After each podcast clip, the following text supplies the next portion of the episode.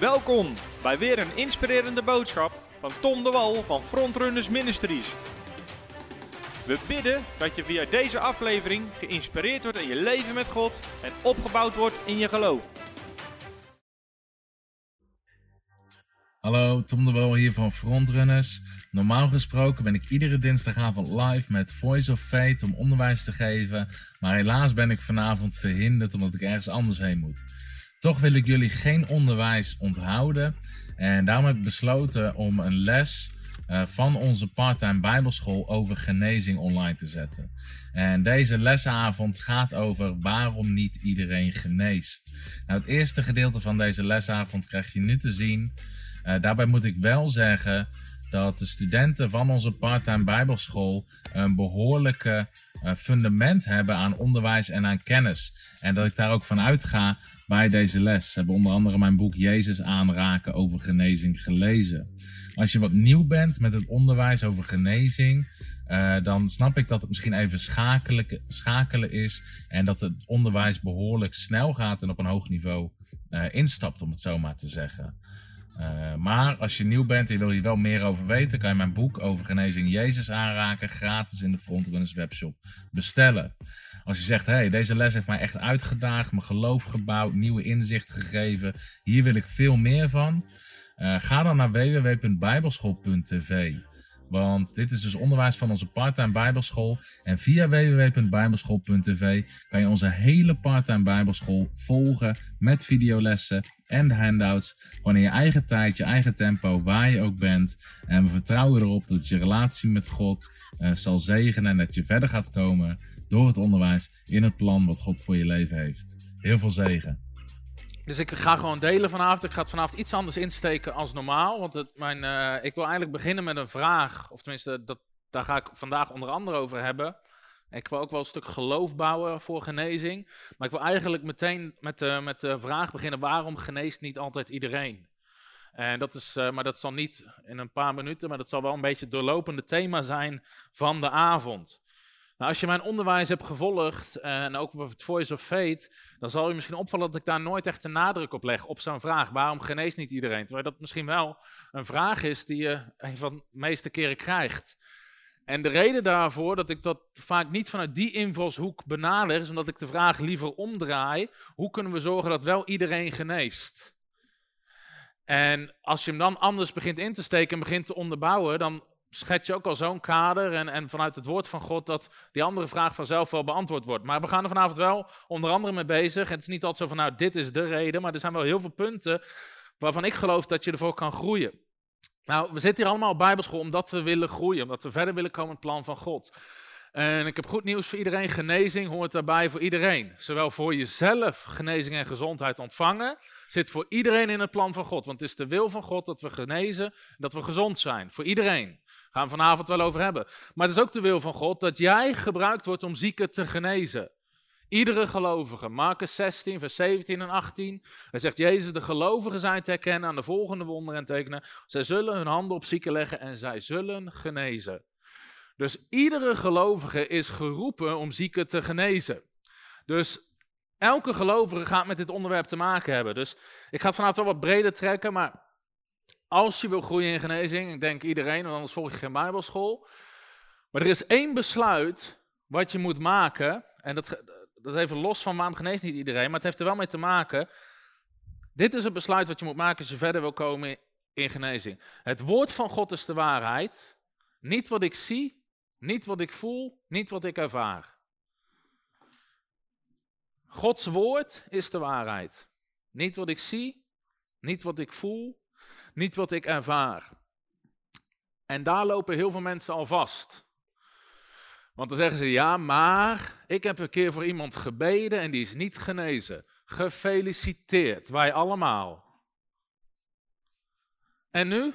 Ga je daar blijven hangen? Ga je daar blijven zitten? Ga je dit de rest van je leven roepen bij iedere dienst over genezing? Of zet je het aan de kant en ga je verder groeien? Kijk, het woord van God, dit gaat niet veranderen. Als ik handen op iemand leg en die geneest niet, staat hier nog steeds hetzelfde in. Zij zullen handen leggen op zieken en ze zullen genezen. Dit verandert niet. Dus als dit niet gaat veranderen, wie moet er wel gaan veranderen? Dat ben ik.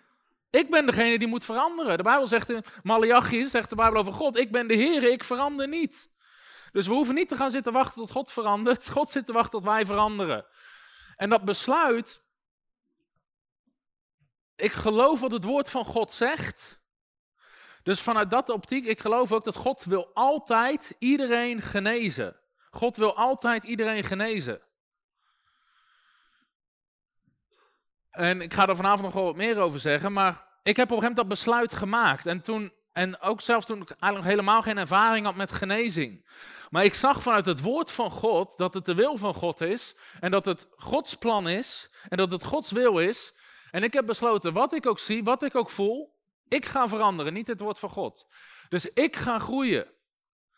En mensen zeggen, ja, maar ik heb wel eens handen op iemand gelegd die is niet genezen. Gefeliciteerd, ik heb wel op 200 of 300 of 500 of 1000 mensen handen gelegd. Soms leggen we in een week in een buitenland op 500 mensen handen.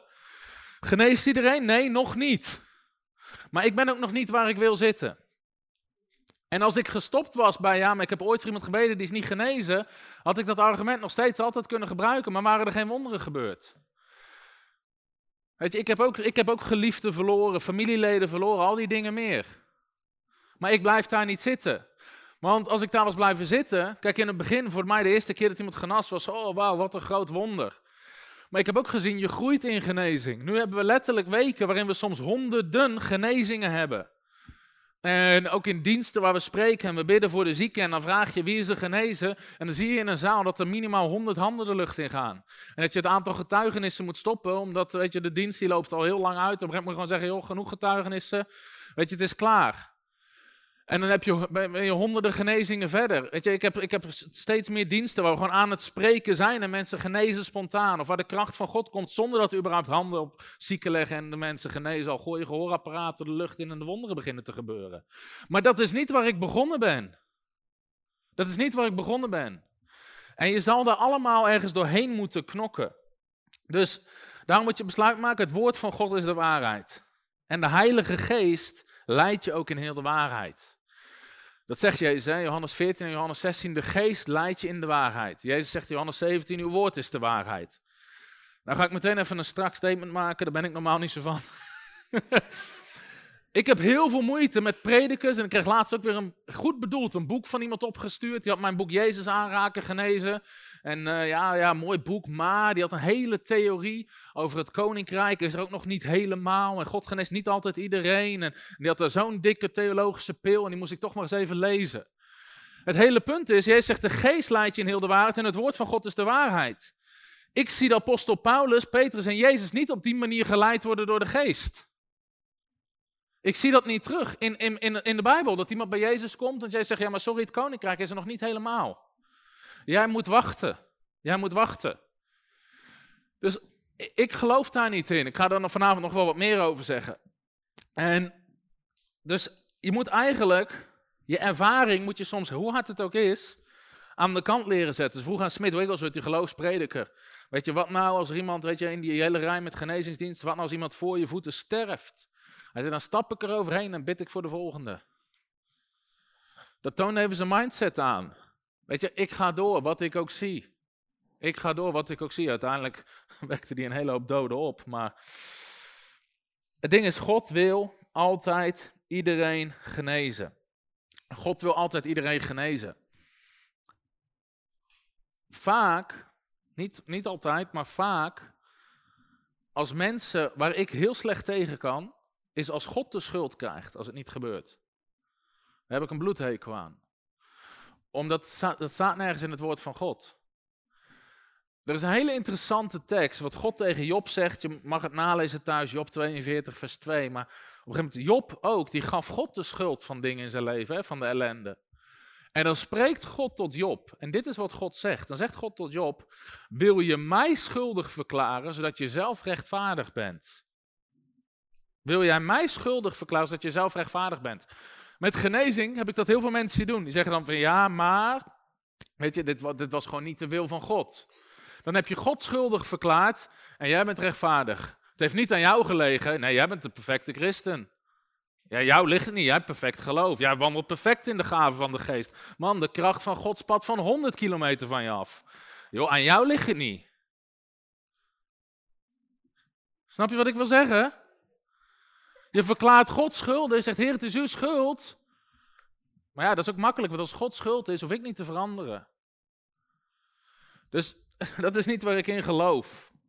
En God wil altijd iedereen genezen. Dat moet je uitgangspunt zijn. En in mijn boek geef ik zeven redenen waarom we dat zeker kunnen weten. En ik ga er heel kort doorheen, ik ga ze niet uitgebreid behandelen. Maar de allereerste, wie weet hem nog uit het boek? Heeft hem onthouden? Of één van de zeven? We leggen de lat al iets hoger. Mijn quiz is moeilijker als die van Wendy, zie je dat? De eerste reden is de oorsprong van ziekte is de duivel en demonen. De duivel en demonen is de oorsprong van ziekte. God wil altijd iedereen genezen. Het is Gods wil dat je gezond bent, omdat het is de duivel die mensen ziek maakt. De kerntekst hierover is Handelingen 10, vers 38. Als je wil functioneren in genezing, moet je deze honderdduizend keer uit je hoofd kennen. Handelingen 10, vers 38. In Handelingen hoofdstuk 10, daar vat Petrus, de apostel Petrus, die vat de hele bediening van Jezus samen. Nou, je weet, Jezus heeft duizenden mensen genezen. Hele massa's mensen. Soms de voedselvermenigvuldiging, er staat, ze kwamen daar, al die mensen, vanwege de wonderen die hij aan de zieken deed. Nou, dat waren er al 5000, alleen de mannen. Dus met vrouwen, kinderen, misschien 20, 25.000 mensen kwamen daar voor de wonderen die hij deed aan de zieken. Duizenden zieken genas Jezus. Maar dan zegt Petrus dit, hoe God Jezus van Nazareth gezalfd heeft met de Heilige Geest en met kracht, hoe hij het land doorgegaan is terwijl hij goed deed en allen die door de duivel overweldigd waren genas. Door wie waren ze overweldigd? Door de duivel. Door de duivel. Wie had ze ziek gemaakt? Bij wie was het in het plan dat die mensen ziek en beperkt zouden zijn? Het was in het plan van de duivel. En wat deed Jezus met al die duizenden mensen? Hij genas ze. Als het in het plan van God was, dan had Jezus dat lekker laten zitten. Want Jezus gaat niet aan het plan van God komen.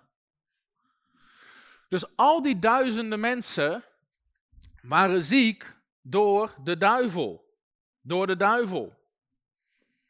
Deze tekst, sommigen van jullie kennen het verhaal, heeft de hele bediening van John G. Lake, eigenlijk zijn hele bediening gestart. John G. Lake werd groot gebruikt in genezing rond 1900. Maar op een gegeven moment was zijn eigen vrouw was ziek en die lag op sterven. En de dominee zei, ja, we begrijpen de wegen van de Heer niet. En, uh, en John G. Lake die werd zo boos op God dat hij smeet zijn Bijbel tegen de muur. En hij dacht, als dat God is, hoef ik er niks mee te maken te hebben. En hij raapte zijn Bijbel op om nog een keer te gooien. En toen viel het open op deze tekst. En toen las hij alle die door de duivel overweldigd waren. En dat is het moment dat hij beseft, wacht, dit is niet God die mijn vrouw hier ziek maakt en, en, en steelt. Het is de duivel. Hij zegt, als het van de duivel is, dan kan ik het tegen bidden. En hij bidt voor zijn vrouw en zijn vrouw geneest. En dat is de start van zijn bediening. Voor iedereen, als je wil starten met bidden voor genezing of voor jezelf, genezing wil ontvangen, het allereerste wat je moet weten is, ziekte is niet van God. Ziekte is niet van God. En dat kan dus ook een soort heilige boosheid in je op laten staan. Ik word altijd moe van die ene man ook die mij een boek schreef. Ja, maar jij doet een claimtheologie. Je wil iets van God claimen. hou op met je claimen. God wil het ontzettend graag geven. Het is de duivel. Als ik iets van iemand claim, is het van de duivel, want hij is een dief. Als hij iets gestolen heeft, ga ik het terughalen, ja. Net zoals dat er een inbreker in mijn huis komt, ik wou zeggen die de tv meeneemt, maar we hebben geen tv, maar bij wijze van spreken, als je die ziet lopen, zwaai je hem ook niet uit. Zeg je, moet, moet ik helpen tillen? Zal ik de deur open houden? Nee, je claimt dat ding terug wat hij probeert te stelen. Als de duivel iets van je steelt, dan haal je het terug. In Lucas 13, daar zien we, vers 11, die kromgebogen vrouw. En dan zegt Jezus, deze vrouw heeft een geest die haar ziek maakt, al 18 jaar lang.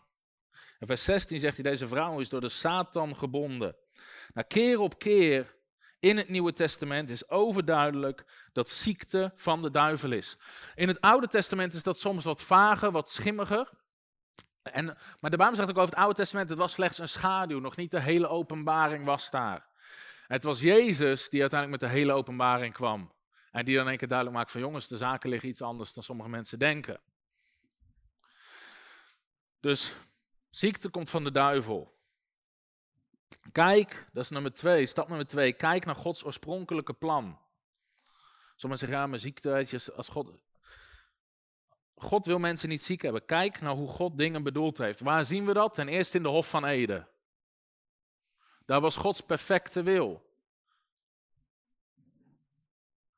Adam liep niet achter Eva aan met twee stokken en Eva in de rolstoel door het paradijs heen in de perfecte wil van God. Ik, ik schets dingen even hard, maar ze waren gezond, ze waren perfect.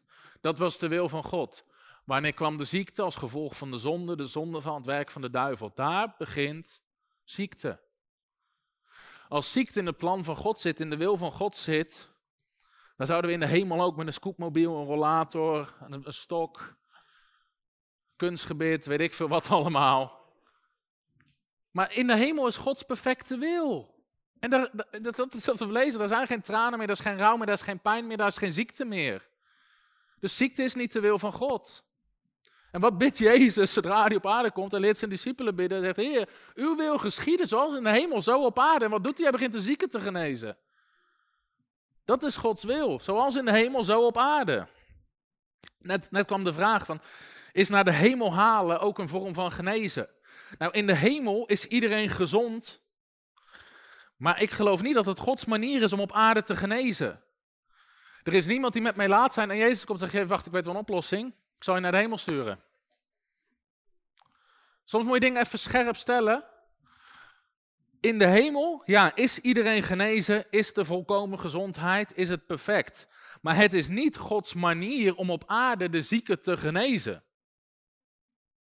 Jij zegt niet, leg handen op zieken en ze zullen naar de hemel gaan en daar gezond zijn. Ook dit, ik, ik snap de vraag, omdat ook, zijn ook predikers die dat dan prediken, God geneest altijd. Maar soms is het niet hier op aarde, maar in de hemel. Klinkt heel mooi, maar staat niet op de kaart. Staat niet in het woord. En daarom is het zo belangrijk om zo dicht bij het woord te blijven. Dus daar zien we dat het Gods perfecte wil is. Nou, een andere is als je kijkt naar het karakter van God. Als je kijkt naar het karakter van God en dan. En, en wat was de openbaring die Jezus bracht? Jezus, wat zegt onze Vader? Jezus openbaarde God als een liefdevolle Vader. de Farizeeën wilden hem stenigen. Die zeiden: joh, als, jij God je Vader noemt, maak je jezelf gelijk aan God. Wat denk je dat jij mee bezig bent? En dan zegt Jezus in Matthäus 7, zegt hij ook van, joh, als je bidt, weet je wel, welke vader zou nou zijn zoon een steen geven als een brood vraagt, al die dingen meer. Hoeveel te meer geeft uw hemelse vader goede dingen aan hem die, hem tot, die aan hem vragen. Dus Jezus schetst God als vader die nog veel beter is dan iedere natuurlijke vader. Veel beter. Hij is veel beter dan iedere natuurlijke vader. Ik begrijp ook dat hè, sommige mensen hebben positieve ervaringen met hun vader, anderen hebben misschien negatieve ervaringen. Maar God staat los van al die natuurlijke vaders. Hij is de perfecte goede vader. Er is geen enkele goede vader überhaupt op aarde die graag wil dat zijn kinderen ziek zijn. Weet je, als ouder, een van de dingen wat je het meest pijn doet, als je ziet dat je kinderen ziek zijn of pijn hebben of ellende hebben, dat breekt je hart als ouder. En dan zijn er mensen die durven te zeggen, ja, soms maakt God ons ziek om ons iets te leren. Als ik dat op aarde doe, zit ik morgen vast in de gevangenis in een dwangbuis en terecht. Dus ik zeg, nou, Matthew heeft niet zo goed geluisterd deze week. Fem, pak even de spuit met uh, wat injectie, wat ziekte. Zullen we eens even leren? Ik zou helemaal verknipt zijn als ik dat doe. Ik wil mijn kinderen iets leren, dus ik maak ze ziek. En toch wordt dat gepreekt over God. En dat heeft weer te maken met een gebrek aan kennis van het woord van God. Hoe leidt God ons? De geest leidt ons in heel de waarheid. Door de geest en door het woord worden we opgevoed, gecorrigeerd. Niet door ziekte. Niet door ziekte. Ben ik, ja, maar die persoon die was ziek en die heeft toen echt geleerd om dankbaar te zijn voor wat hij wel heeft. Prijs God voor wat hij daar geleerd heeft. Maar dat is iets anders dan zeggen, ja, maar God heeft hem ziek gemaakt om dat te leren.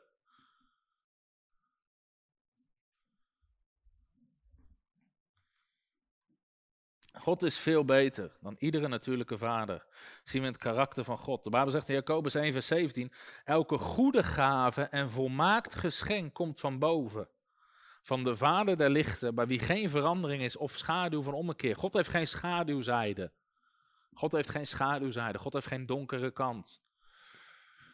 In de brief van Johannes zegt Johannes op een gegeven moment: Hij zegt: Dit is de boodschap die wij van hem ontvangen hebben. Dus die wij van Jezus hebben gekregen, dat God licht is en in hem is geheel geen duisternis. Dat was Johannes bijgebleven, wat Jezus hem had geleerd over God. Nummer vier is kijk naar de hele lijn in het woord van God. Als je de wil van God wil weten, kijk naar de hele lijn in het woord van God. Als je kijkt hoe God zich openbaart van Genesis hoofdstuk 1 tot en met het laatste hoofdstuk van openbaring, laat God zien, ik wil mensen genezen en gezond hebben. Hij schiep een perfecte, hij maakt een perfecte schepping. Hij zegt dat hij gaat eindigen met een perfecte schepping, een nieuwe hemel en een nieuwe aarde. En alles daartussenin laat zien dat God wil genezen. Een van de namen van God is, ik ben de Heere, uw geneesheer, Jehovah Rapha. God heeft zijn naam eraan gekoppeld. Zegt, ik ben genezing, is wat God zegt tegen zijn volk. Ik ben genezing. Onder het Oude Testament, zelfs onder de wet, genezing was niet onderdeel van de vloek. Ziekte was onderdeel van de vloek. God zegt niet, als jullie heel goed naar mij luisteren, maak ik je ziek. Maar oh wee, als je niet luistert, dan genees ik je. Nee, het was onderdeel van de vloek. Het was helemaal niet Gods plan voor zijn volk, want God zegt, kies dan de zegen op dat je leven zult. Kom niet onder die vloek, kom daar niet in de buurt. Dus door heel de Bijbel, ik ben de Heer uw genezer, wat Jezus laat zien. Waarom is dat belangrijk? Omdat er komen altijd mensen en die komen dan met één vers aan. En waarom zegt hier de Bijbel dat Trofimus ziek in Mileten achter was gelaten in, in 2 Timotheus 4 vers 20 of 1 Timotheus 4 vers 20? En dan willen ze per se daar een antwoord op voordat ze de rest van de hele Bijbel beginnen te begrijpen. Begin eerst eens gewoon de grote lijnen in het woord van God te zien. Hoe maakt God zich bekend? Wat zegt God over ziekte? Is het een zegen? Is het een vloek? Genas Jezus mensen of maakte hij ze ziek? Is je genezing betaald aan het kruis? Ja of nee? Voordat je met dat soort dingen bezig gaat. En soms lopen mensen daar helemaal op vast. Weet je, Paulus doren in het vlees. Ja, God wil toch niet altijd. En dan beginnen ze met één tekstje waarvan, van zelfs de theologen nog uh, ellenlange discussies hebben wat überhaupt is en betekent. Is hetzelfde als als iemand, zeg maar, als iemand in een, een autogarage gaat kijken bij een monteur en dat hij met een of andere cilinder bezig is zegt, joh, wat is dat onderdeeltje, wat doet dat? Dan zal die monteur waarschijnlijk zeggen, joh, weet je überhaupt hoe een verbrandingsmotor werkt? Weet je hoe dat hele ding, apparaat functioneert? Want hij kan moeilijk één schroefje of één detail of een chipje uitleggen als je niet weet hoe de rest van de auto functioneert. En met genezing is dat hetzelfde. Daarom, als ik predik over genezing, ik zet altijd eerst het grotere plaatje neer, voordat we op hele specifieke vragen ingaan. Dus als je kijkt naar de algemene lijn van God, in het woord van God is gewoon, God wil mensen genezen. Exodus 23, vers 25 is ook een enorm krachtige tekst om je geloof mee te bouwen. U moet de Heer uw God dienen. Hij zal uw brood en uw water zegenen. Ik zal ziekte uit uw midden doen wijken. Ik zal ziekte uit uw midden doen wijken. Nou, nou ga ik meteen een koppeling maken naar geloof. Want vers 26 zegt dit. Geen vrouw in uw land zal een miskraam hebben of onvruchtbaar zijn. Ik zal het aantal van uw dagen volmaken. Het is een belofte die God doet aan zijn volk. God zegt, als je mij dient, ik zal ziekte uit je midden doen wijken. Nou, tegelijkertijd worden we wel soms geconfronteerd met ziekte in het midden van de gemeente. Of, en laten we zeggen, zeker met miskraam of onvruchtbaarheid komt vaak voor. Dan kan je twee dingen doen. Of je zegt joh, weet je, zie je, dit klopt niet, dit is niet waar. Het woord van God is niet waar. Of ergens zit er misschien iets waar wij in kunnen groeien en ook de mate van geloof. En dit verhaal is een behoorlijk radicaal verhaal. Ik vertel ook niet dat, omdat dat mensen zich veroordeeld voelen of wat dan ook. Maar als het gaat om geloof en weten wat je verbond is. Um, de Afrikaanse voorganger, Bishop David Oyedepo, heeft een verhaal. Ik weet, het is echt radicaal geloof. Maar die man weet in ieder geval wat hij doet. Op een gegeven moment, zijn vrouw was zwanger van een eerste zoon en op een dag komt hij thuis en zijn vrouw zegt tegen hem, schat, ik heb een miskraam gehad. I've had a miscarriage. En zijn reactie was, that cannot happen. Please bring me my food. Dat kan niet gebeuren. was zijn eerste reactie. Hij zei, it's anti-covenant. Het gaat tegen het verbond in. Verder zei hij er geen woord meer over. En even later gaf zijn vrouw geboorte aan een gezond kind. Ik begrijp dat is een level van niveau, of niveau van geloof, waar de meesten van ons nog niet zitten. Amen. Maar hij zit er wel. En hij krijgt die belofte. Daarom word ik altijd soms op moe van mensen met die theorieën van al reeds en nog niet. En koninkrijk misschien wel en, en soms toch niet. En het hele ding is, het heeft te maken met jouw geloof. Want dit is namelijk het ding. Als ik, je, ik ken predikers. Als je daar video's van ziet. Als ik bij wijze van voor jou, voor je ogen, iemand zou zetten die met een gebroken been aankomt, maar zijn bot steekt zo ver uit zijn been. En ze zeggen, joh, genees hem even. En je zou voor hem bidden en er zou niks gebeuren. Dan zijn dat van die mensen komen, ja, maar het koninkrijk van God, weet je, breekt toch nog niet helemaal door. Het hele verschil is, als ik diezelfde jongen meeneem naar bedieningen in Afrika die ik ken, die bidden voor die jongen, dat been groeit terug en die geneest. Of is het koninkrijk in Afrika al wel helemaal doorgebroken?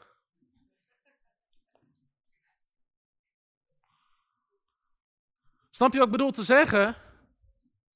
Dat hele argument gaat helemaal niet meer op. Zodra er iemand anders voor een bid die wel geneest. In plaats van dat je zegt, oké, wacht, wacht, misschien vraagt het inderdaad een niveau van geloof. Weet je, soms moeten we eerlijk worden, ook naar onszelf, in plaats van de schijn hoog houden. Ik heb ook soms tegen mensen moeten zeggen, ze, ik weet nog de allereerste keer dat ik naar Amerika ging, we hadden wonder naar wonder. En op een gegeven moment kwamen die mensen, die zetten een vrouw voor mijn ogen die blind was, maar die had geen ogen in de oogkassen. En ze vroegen, joh, wil je er genezen? Op het moment dat je dat ziet, je ziet gewoon holle oogkassen. Geloof me, je geloof in het begin. Toch, laten we eerlijk zijn. Dat doet iets met je. Je kan wel zeggen, ik wandel door geloof, niet door wat ik zie, ja, totdat je het echt ziet.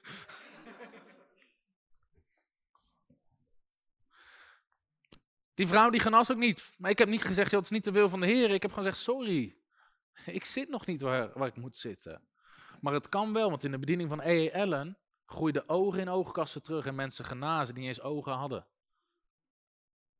Ik ga niet zeggen, God kan dat niet doen. Alles is mogelijk voor wie gelooft. Maar ik zit er nog niet. Maar ik ben wel onderweg en ik ga er ook niet blijven hangen. Daarom is het belangrijk dat we die getuigenissen nodig hebben van mensen zoals een E.E. Allen en dat soort bedieningen. Waarbij dat wel gebeurt. En dat je het ziet en dan wacht van, oké, weet je, dit is waar we voor gaan.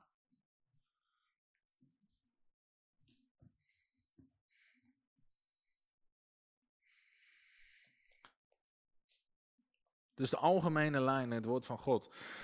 Nummer vijf, deze is, heb ik net al heel klein beetje over gehad, dus ga ik niet meer diep op in. Maar kijk naar het leven van Jezus. Johannes 14, vers 8. Jezus zegt, als je mij hebt gezien, heb je de Vader gezien. Punt. Als we naar Jezus kijken, zien we God de Vader. Jezus vertelde niemand, sorry, het is niet Gods wil om jou te genezen. Het is niet het verhaal dat Bartimaeus eindelijk bij Jezus kwam, dat Jezus zegt, wat kan ik voor je doen? Rabbi, dat ik ziende kan worden. En dat Jezus zei, ja, maar dat is niet het plan van God. Ga maar weer terug naar je bedelschaal.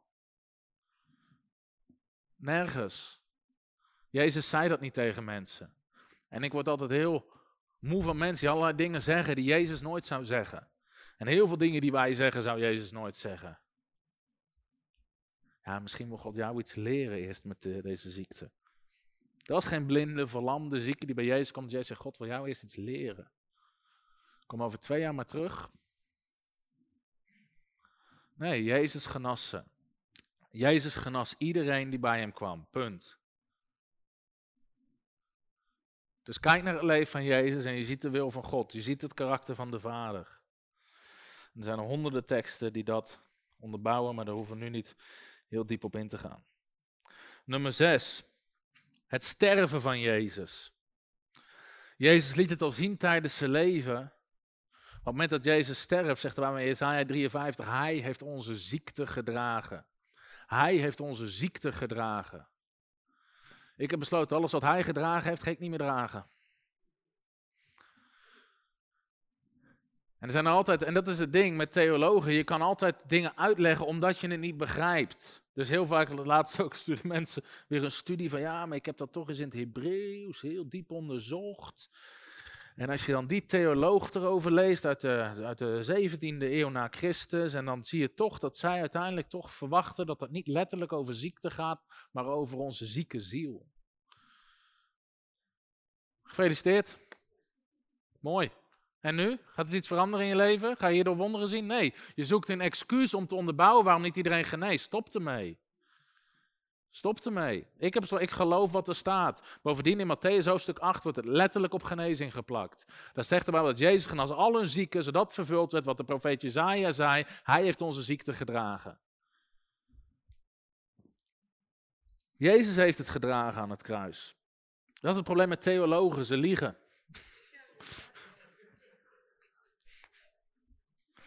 Ik heb zelf ook theologie gestudeerd. Ik was geen hele makkelijke leerling voor die meeste docenten. Het hele ding is, je kan alles namelijk verdraaien zoals het jou goed uitkomt. Ik heb sommige docenten bijna een hartaanval bezorgd. Had ik misschien ook niet moeten doen achteraf, maar het was wel leuk op dat moment. Op een van de docenten was, was een predikant uit de traditionele gemeente, is niks mis mee, maar die moest lesgeven over de Korinthebrief. En we kwamen bij de gaven van de geest. Dit is gewoon een leuk verhaal tussendoor, hoor. je zit geen les in, misschien het niet moet doen, maar in ieder geval, hij zegt, hij zegt in die klas, hij zegt, en ik wist, die man die had een enorm groot hart voor Israël. In ieder geval, die man die zegt in die klas, zegt, ja, maar de gaven van de geest, hè, dat, eh, dat is eigenlijk niet zo heel belangrijk. Want eh, Paulus die wijt er maar één hoofdstuk aan hier. In 1 Korinthe 12, dat is alles, dus niet belangrijk, kunnen we links laten liggen.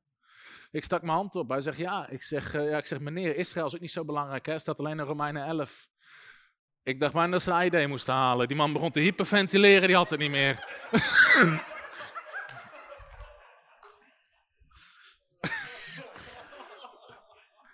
Mijn punt was even om aan te tonen, als je wil, kan je alles alle kanten op buigen. Kan je van alles zeggen, dit is niet belangrijk, maar één hoofdstuk. Ik vind een heel hoofdstuk vind ik behoorlijk wat. Toch? Als ze nou één vers hadden over waar iets stond van de gave van de geest en verder helemaal nooit is, dan had je kunnen zeggen van ja, nou ja, ik weet ook niet wat het dan betekent. Maar een heel hoofdstuk, en bovendien zijn het meerdere hoofdstukken, maar goed. Het ding is, je kan alles altijd verbuigen zodat jou het beste uitkomt. Op een gegeven moment kwamen in Jacobus en dan zegt Jacobus, maar als je, als je vraagt, moet je wel in geloof vragen, want als je twijfelt, krijg je niks. En die docent zei, ja, maar dat is een gedicht van Jacobus, dat is beeldspraak. nou ja, als het niet uitkomt, kan het ook veranderen in een gedichtenbundel. Was niet letterlijk bedoeld. Het hele ding is, je kan alles altijd alle kanten opdraaien, zodat het jou goed uitkomt. Echt waar, het is gewoon een ziekte in de theologische wereld. Ja, weet je die brief in het Oude Testament, eh, die profeet is waarschijnlijk veel later geschreven, anders kan hij dat nooit weten. Dat is profetie, koe. Alsjeblieft. Echt waar, over een aantal de raarste dingen, de plagen in Egypte. Ja, nee, dat had te maken met de rode grond, die stroomde de rivier in, toen werd het rood als bloed en toen ja, gingen alle kikkers dood en die vielen eruit. En toen alle, en al die kikkers eruit, weet je wel, en die het land in. En nou ja, die, die, die springkanen, die lust wel graag die kikkers. Dus die, nou, hele natuurlijke verklaringen. Waarom geloof je niet gewoon in een wonder? Ja, weet je, ze gingen wel door de Rode Zee, maar die was maar 10 centimeter diep. Ja, daarna verdronk God een heel leger in 10 centimeter water. Gefeliciteerd. Alsjeblieft. Hoe lang blijven we doorgaan met redeneren en logica? Dit is het hele ding. Ik heb God nooit zien werken met logica of redenatie. Nooit. Nooit. En daar lopen wij Westelingen enorm klem. Lopen we enorm klem. De hele kerk, in, in het hele Westen, ik heb het niet alleen over Nederland, maar de westelijke wereld. We zitten klem, het is een van de machten zelfs in Nederland, logica en redenatie. God vraagt nooit aan mij, Tom, vind je dit een goed idee? Nee. God zegt Tom, dit is je gebouw, zet een handtekening onder contract. Heb je het geld? Nee, maakt niet uit. Is dat een goed idee? Nee. Ik ben blij dat sommige mensen vandaag de dag de Bijbel niet hoeven vertalen. Die hebben, zouden geloof vervangen door wijsheid. Maar je moet wel afvragen wat wijsheid is, broer. Heb je die wel eens gehoord? Je moet wel afvragen. Jezus zei dat nergens. Petrus, je moet, voordat je uit die boot stapt, vraag je even af wat wijsheid is, Petrus. ik, ik bedoel, je hoeft nergens heen. Je komt weer terug in dezelfde boot. Hè, wat is wijsheid in zo'n situatie? Kijk, we kunnen wel voor die melaatse bidden en handen opleggen, maar het is ook een besmettelijke ziekte. Dus je moet je afvragen, wat is wijsheid in zo'n situatie? Hè, Jezus zei in Marcus hoofdstuk 11, alles wat je bidt en je hebt de wijsheid om het zelf te ontvangen, dan zal je het uiteindelijk krijgen. Dat is hoe we, vandaag de dag vaak de Bijbel zouden vertalen. Onze hele redenatie, wijsheid, al die dingen een ziekte.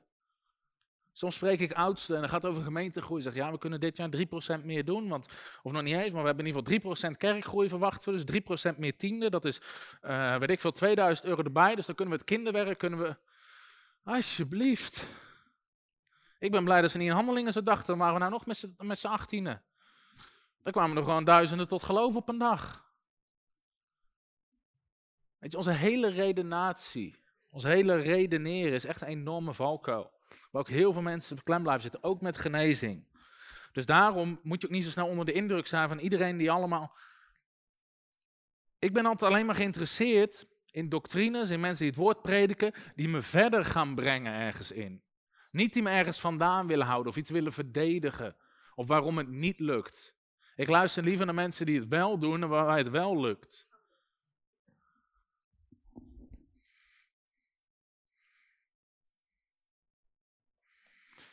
En de laatste heeft ermee te maken, um, ook dat genezing is onderdeel van het nieuwe verbond. Het heeft te maken met Jezus de het is onderdeel van je verbond. Maar daar wil ik nu niet uh, dieper op ingaan. In mijn boek ga ik daar behoorlijk diep op in.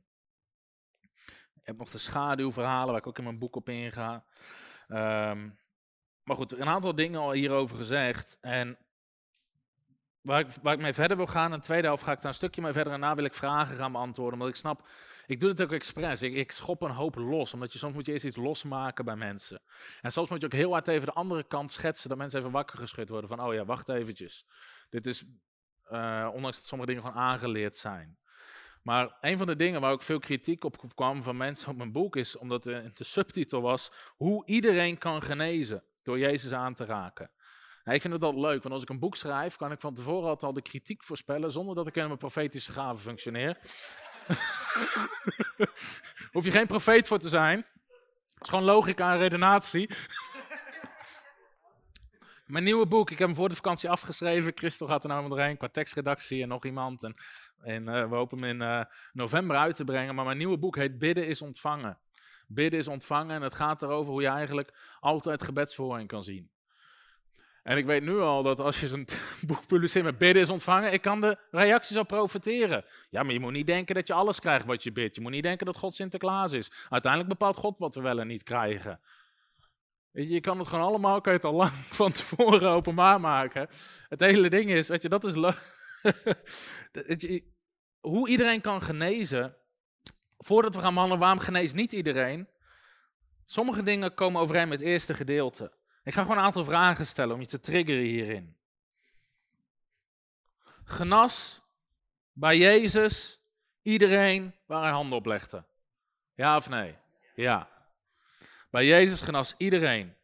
Ga ik meteen even in op een vraag die in de zaal gesteld werd over uh, syndroom van Down, was de vraag. En noem nog iets verstandelijke beperkingen. Um, ten eerste maakt het bij Jezus niet uit. Is wat ik lees in het woord van God. Sowieso, of na 13 jaar ziek, 18 jaar ziek, 38 jaar, levenslang, al die dingen. Maakte voor Jezus geen verschil. Jezus genas ook, zegt er bij Matthäus hoofdstuk 15, de verminkte. Verminkte. En verminkte kan van alles zijn, maar het kan ook mensen zijn die ledematen missen. Die benen missen. Dat zijn mensen die verminkt zijn. Dit, is niet een, uh, want er staat de kreupelen, de verlamden, maar die kreupelen zijn de verminkten. Dus het waren niet mensen die niet konden lopen, die alles nog hebben, maar die echt verminkt waren. Dat is Matthäus hoofdstuk 15. Die genas Jezus. En heel veel dingen staan niet specifiek beschreven in het woord van God. Er staat ook niet van, nou, die werd, eh, die werd genezen van zijn hoofdpijn.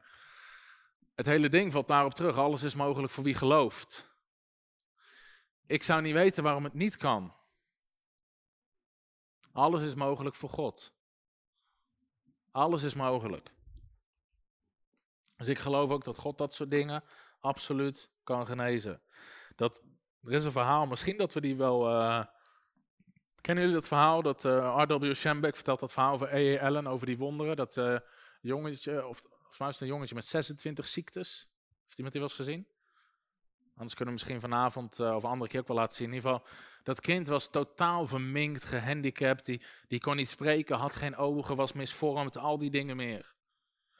En eigenlijk, eigenlijk die had eigenlijk niet eens meer moeten leven. In ieder geval, zo hey, Ellen voor dat kind bad, kwam de kracht van God. En dat hele, dat kind genas totaal. Er werden ogen gevormd in zijn oogkassen. Dat die, al die, die armen, die hoorde je, die werden uitgestrekt. De meest bizarre wonderen gebeurden. Er zijn video's ook van A.E. Allen dat hij bidt en dat jongetje heet de Monkey Boy. Want die had, zijn, zijn eh, benen waren spaghetti, er zaten geen botten in, was alleen maar spier. Dus die kon nergens op staan. Dus als ze die neerzetten, dat zakte gewoon als pudding in elkaar. Hij bidt voor dat jongetje, hij zet hem neer, dat jongetje loopt. Botten gemaakt. Alles is mogelijk voor wie gelooft. Alles is mogelijk voor wie gelooft. Maar goed, genas bij Jezus iedereen. Ja? Zei Jezus dat wij hetzelfde zouden doen als hem? Ja. Nou, dan ben je er al 1 plus 1 is 2. Toch? Je hoeft het niet heel moeilijk te maken. Als bij Jezus iedereen genas en Jezus zegt in Johannes 14 vers 12, je zal hetzelfde doen als mij en nog meer, betekent dat dat in ieder geval Jezus' standaard is. Dus iedereen zegt, ja, maar iedereen genezen, dat is misleiden. Dwaalleer. Dwaalleer. Zeg maar, je stelt mensen teleur, want niet iedereen geneest. Nee, jij stelt mensen teleur, want jij preekt dat niet iedereen gaat genezen en daardoor gaan we het nooit zien. Jij houdt mensen vast in ongeloof.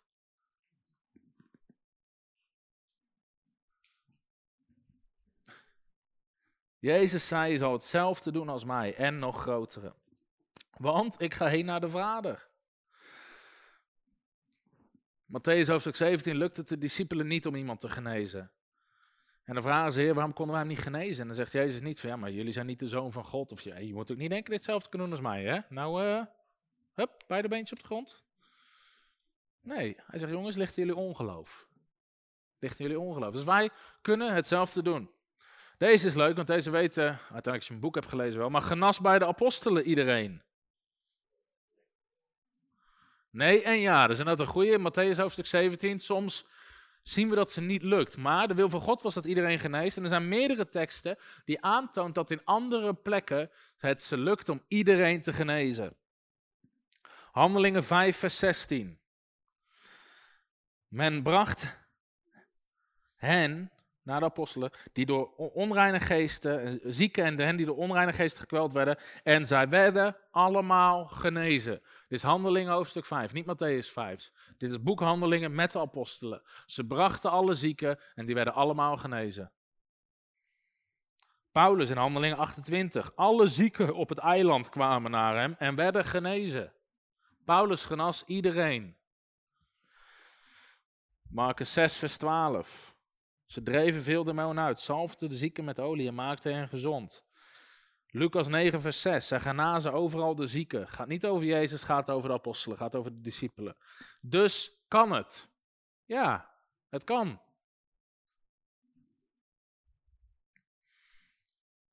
Hoe weten we zeker dat iedereen kan genezen? Nummer 4 is de genezingsopdrachten. Als Jezus zegt genees de zieken, maakt hij dan uitzonderingen, ja of nee? Nee. Hij zegt niet genees ze, tenzij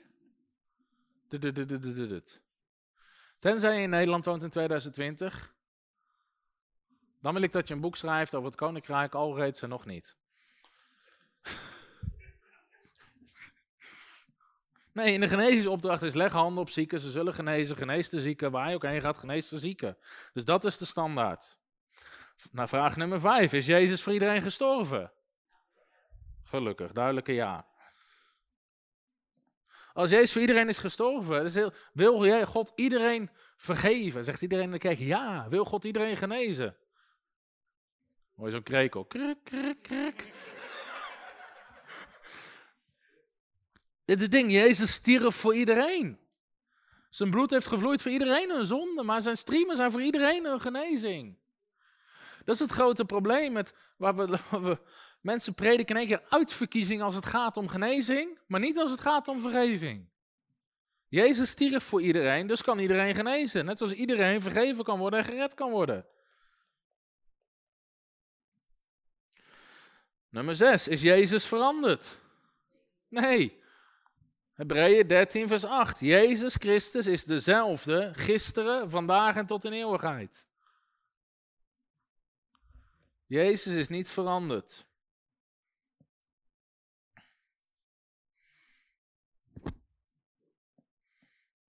Nummer 8, hebben wij, of nummer 7, ik weet niet eens, maakt niet zoveel uit. Hebben wij een andere Heilige Geest? Nee, we hebben dezelfde Heilige Geest. Dat zegt de Bijbel ook Romein hoofdstuk 8 vers 11. We hebben dezelfde geest als Christus. Weet je, er is geen A-merk Heilige Geest en een B-merk. Dat ze in de winkel met cola. Weet je, je hebt Coca-Cola en Pepsi. Maar je kan ook van het spul pakken wat eigenlijk naar appelsap met, met uh, prik smaakt. Niemand ervaring mee? Oké, maakt niet uit.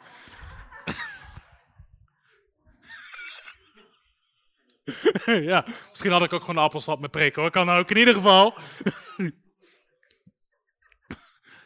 Wingers, er is geen B-merk Heilige Geest van mindere kwaliteit of die, die net wat minder krachtig is. Of wat, nee, het is gewoon allemaal, we hebben allemaal dezelfde Heilige Geest. Heeft God aanziens des persoons? Heeft God lievelingetjes?